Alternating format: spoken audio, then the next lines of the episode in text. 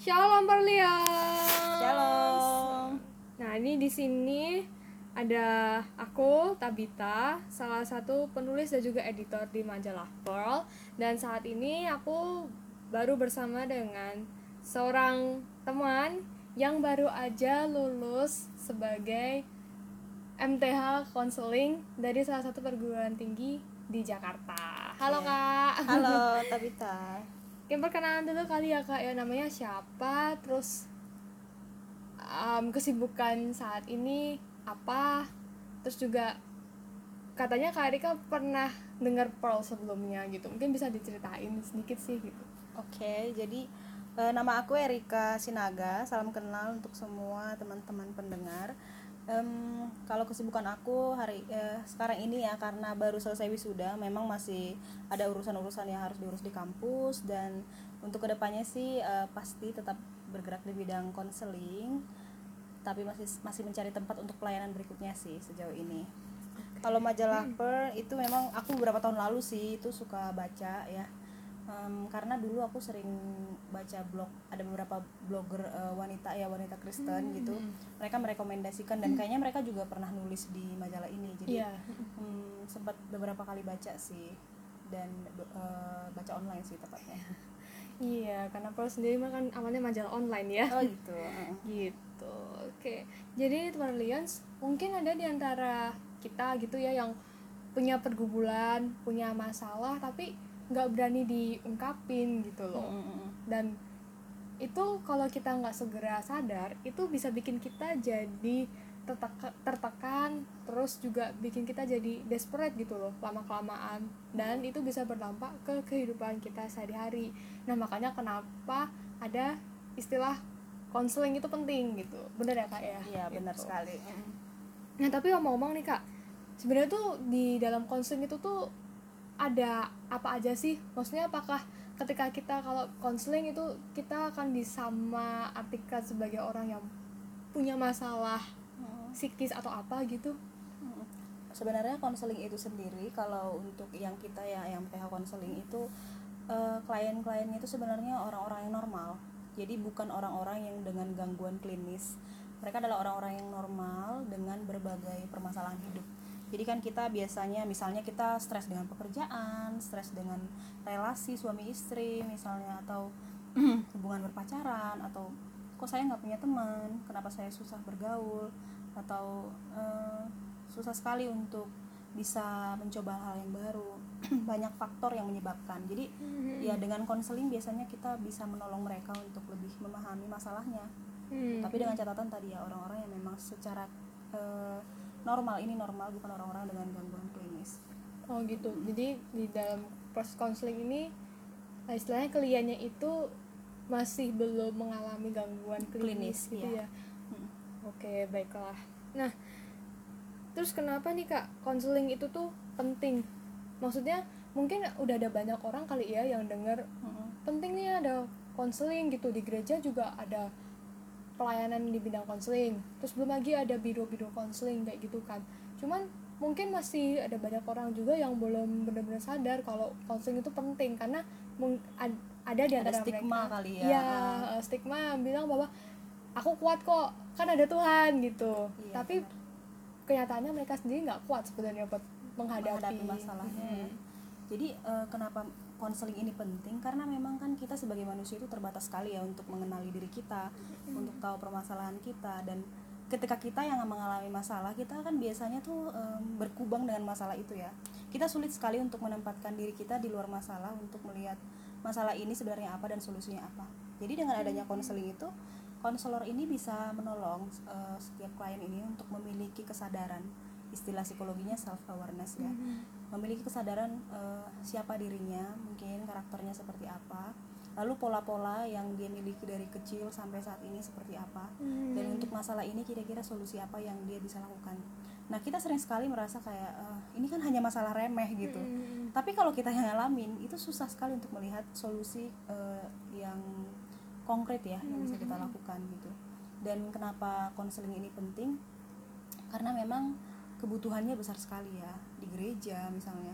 Ada banyak orang yang eh, stres tapi sulit sekali untuk bisa cerita baik ke sesama jemaat atau ke hamba Tuhannya. Karena ada pemikiran bahwa eh, ketika kita membukakan siapa diri kita kita akan dijudge kita Iya. akan dinilai dan malu gitu kan. Aib lah istilahnya kalau Hmm. mengalami kelemahan dan masalah gitu.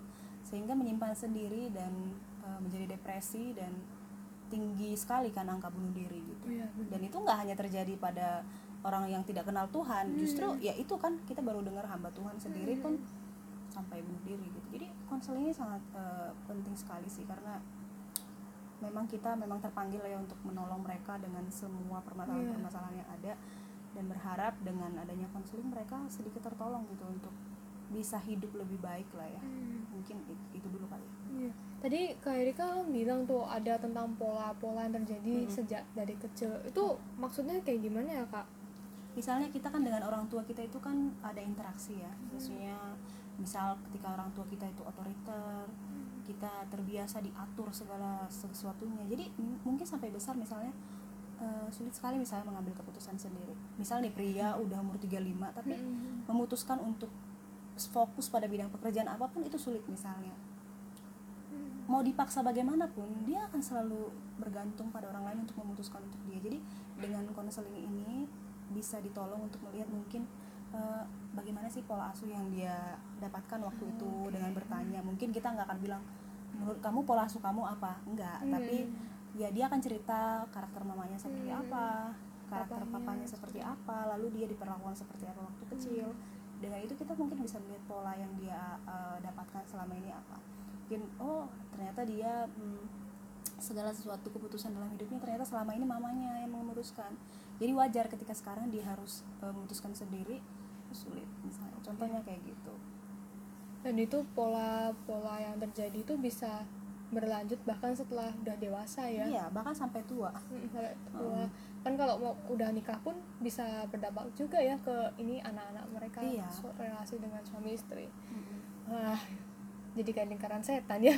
iya terus menerus jadi nanti anaknya juga begitu lalu anaknya anaknya yang harus ada yang memutus jadi Iya. dengan konseling ini akan ada satu orang yang mulai berubah Hmm. yang akan mengubah banyak pola dalam keluarga itu sih Oke, nah ya tadi udah dibilang ya tentang pentingnya konseling itu apa ya Brilliance. Nah, btw nih kak, eh, kan di dalam Alkitab itu sendiri kan nggak pernah ya disebutin tentang istilah konseling gitu kan, nggak ada benar. tulisan jelasnya gitu. Tapi sebenarnya konseling ini tuh Alkitabiah nggak sih? Hmm. Ya selain karena nggak pernah ditulis dalam Alkitab, terus kan banyak nih gereja dan sekolah-sekolah teologi segala macam itu benar-benar memperjuangkan supaya konseling itu tuh bisa menjangkau Masuk, banyak dan orang. diterima gitu kali ya. Iya. ya eh, konseling ini sebenarnya sangat-sangat alkitabiah ya karena sebenarnya kan konselor yang sejati itu kan eh, Tuhan sendiri, sendiri. gitu kan Tuhan kita itu adalah Tuhan yang mendengar Tuhan yang mau kita sebenarnya mengekspresikan seluruh emosi dan perasaan yang kita miliki. Dan Tuhan menerima itu semua karena kita adalah manusia gitu. Dan Tuhan juga memang meminta kita kan untuk selalu berdoa. Dan di dalam doa kita kan bukan hanya meminta semua berkat Tuhan tetapi juga menceritakan apa yang kita alami apa yang kita rindukan apa yang kita Hmm. rasakan. Dan itu adalah sebuah, sebuah proses eh, dengan Tuhan yang prinsip dasar ya konseling gitu. Kalau eh, saya pelajari ya misalnya kisah Elia Hmm, ketika di Gunung Horeb itu sebenarnya Tuhan sedang mengkonseling dia tanda kutip ya di situ Hmm. gitu. Karena Tuhan eh, ketika dia ke Gunung Horeb itu bukannya memarahi dia tetapi Tuhan bertanya apa yang kamu lakukan di sini? gitu. Dengan pertanyaan itu Elia itu memiliki kesempatan untuk mencurahkan kekhawatirannya kekecewaannya Hmm. depresinya gitu. Dan Tuhan bukan menghakimi dia ya tapi mendengar gitu mendengar dan mendengar. Kalau kita baca di dalam Alkitab ada banyak sekali eh, kasus-kasus yang menunjukkan bahwa Tuhan itu sangat aware ya dengan manusia dengan keberdosaannya dan dengan kelemahannya. Dan Tuhan tidak datang sebagai hakim pada saat itu tetapi menjadi pendengar yang setia gitu.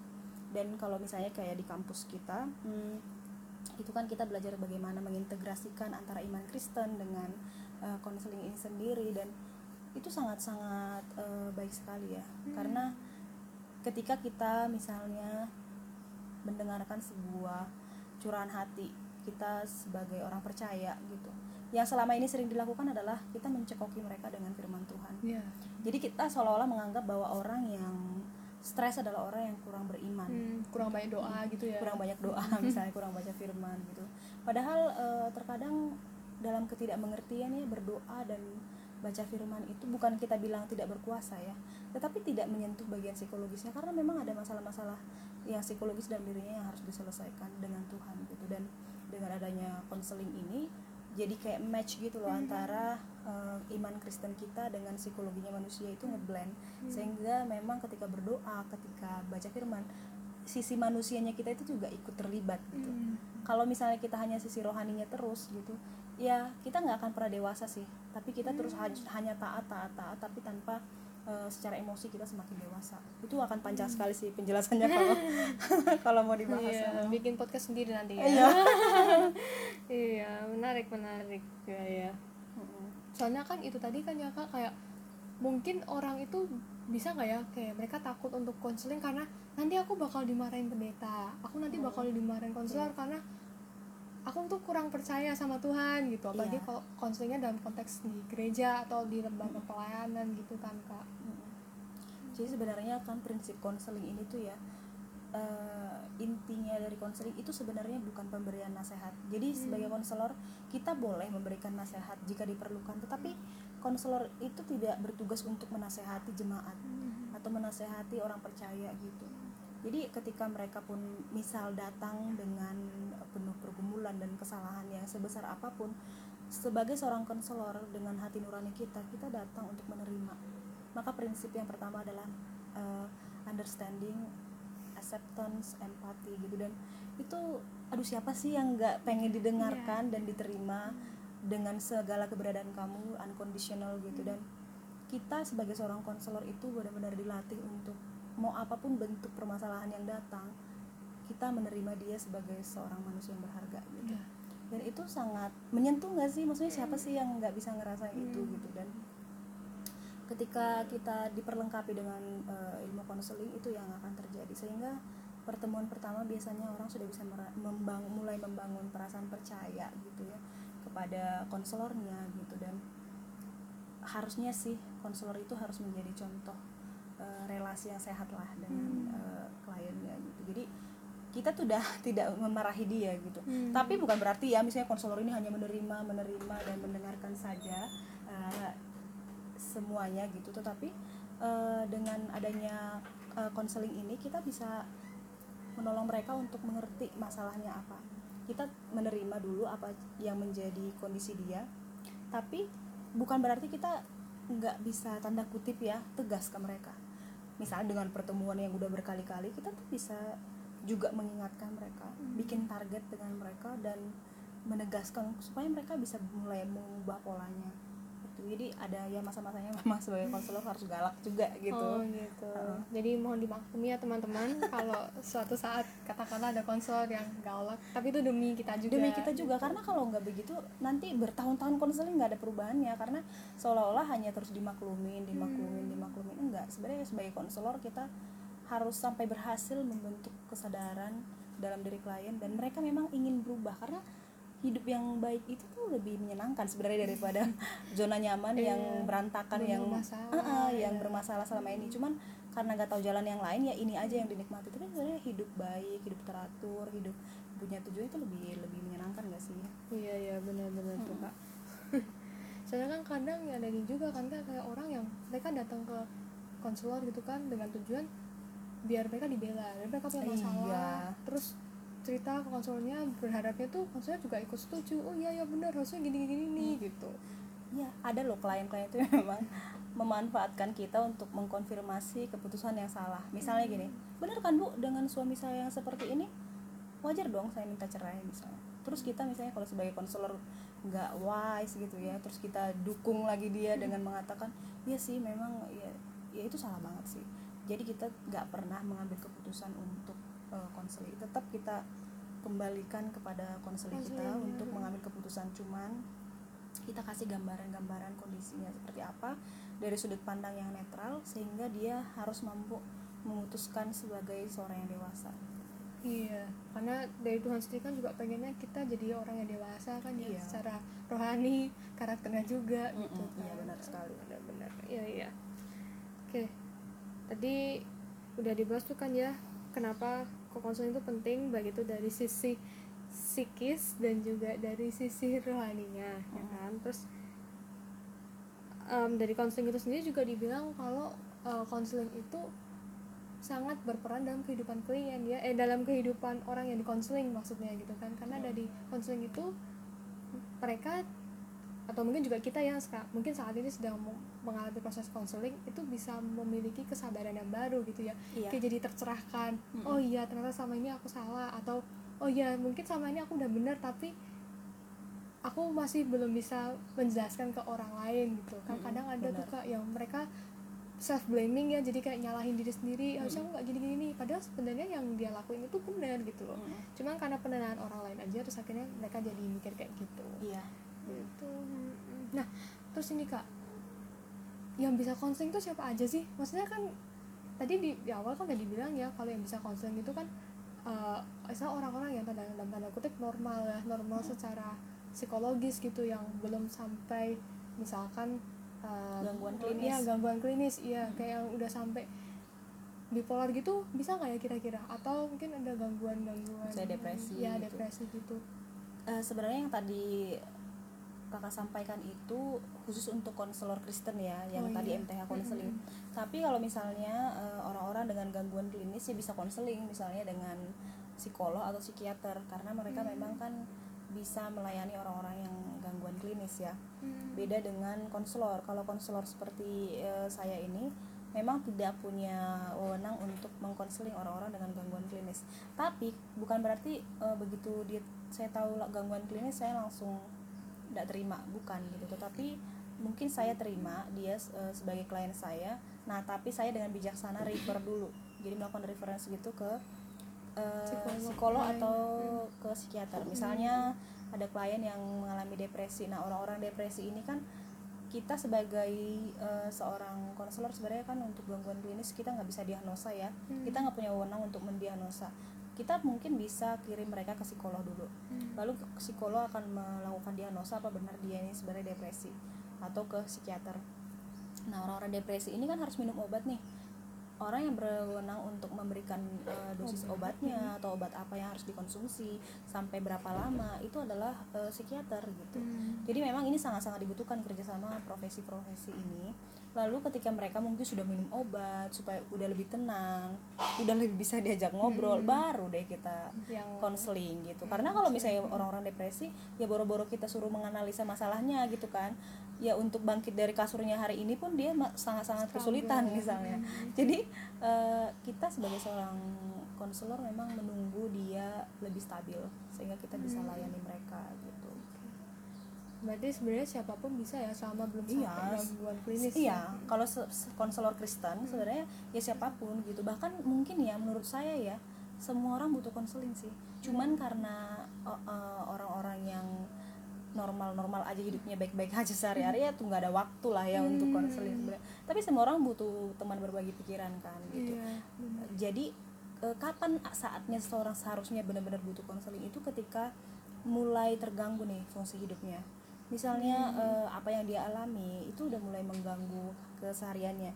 Misalnya ibu-ibu tuh yang bekerja setiap hari gitu mulai ndak bisa kerja. Misalnya udah nggak bisa berfungsi di pekerjaan mulai ndak bisa merawat anaknya merawat suaminya gitu. Atau eh, bapak-bapak yang kerja yang mungkin stres atau depresi mulai nggak produktif di kantor mulai nggak bisa berfungsi di rumah itu orang-orang yang memang eh, butuh konseling atau suami istri yang udah bener-bener nggak bisa lagi komunikasi dengan baik gitu butuh eh, konseling konseling ya sangat butuh konseling nah itu kalau misalkan kondisinya kitanya yang sadar ya kalau kita punya masalah nih udah ada fungsi hidup yang terganggu. Kayak misalkan harusnya bisa kerja tapi kok ini ada sesuatu yang Hmm. terjadi jadi dia nggak bisa kerja.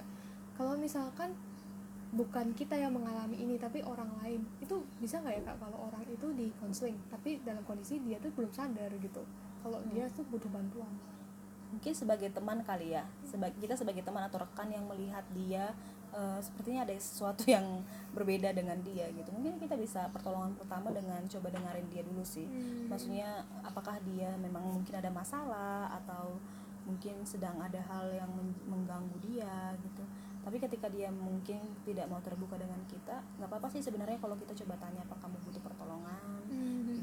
Oh ya sebelum lupa sebenarnya kita itu perlu banget mengkampanyekan bahwa orang-orang yang mencari pertolongan eh, konselor psikolog psikiater itu belum tentu gila gitu. Hmm. karena memang kayak tadi yang kita bilang ya stigma masyarakat itu masih kental banget seolah-olah kalau orang yang sudah mencari pertolongan konselor itu tuh sangat-sangat parah kondisinya Hmm. gitu.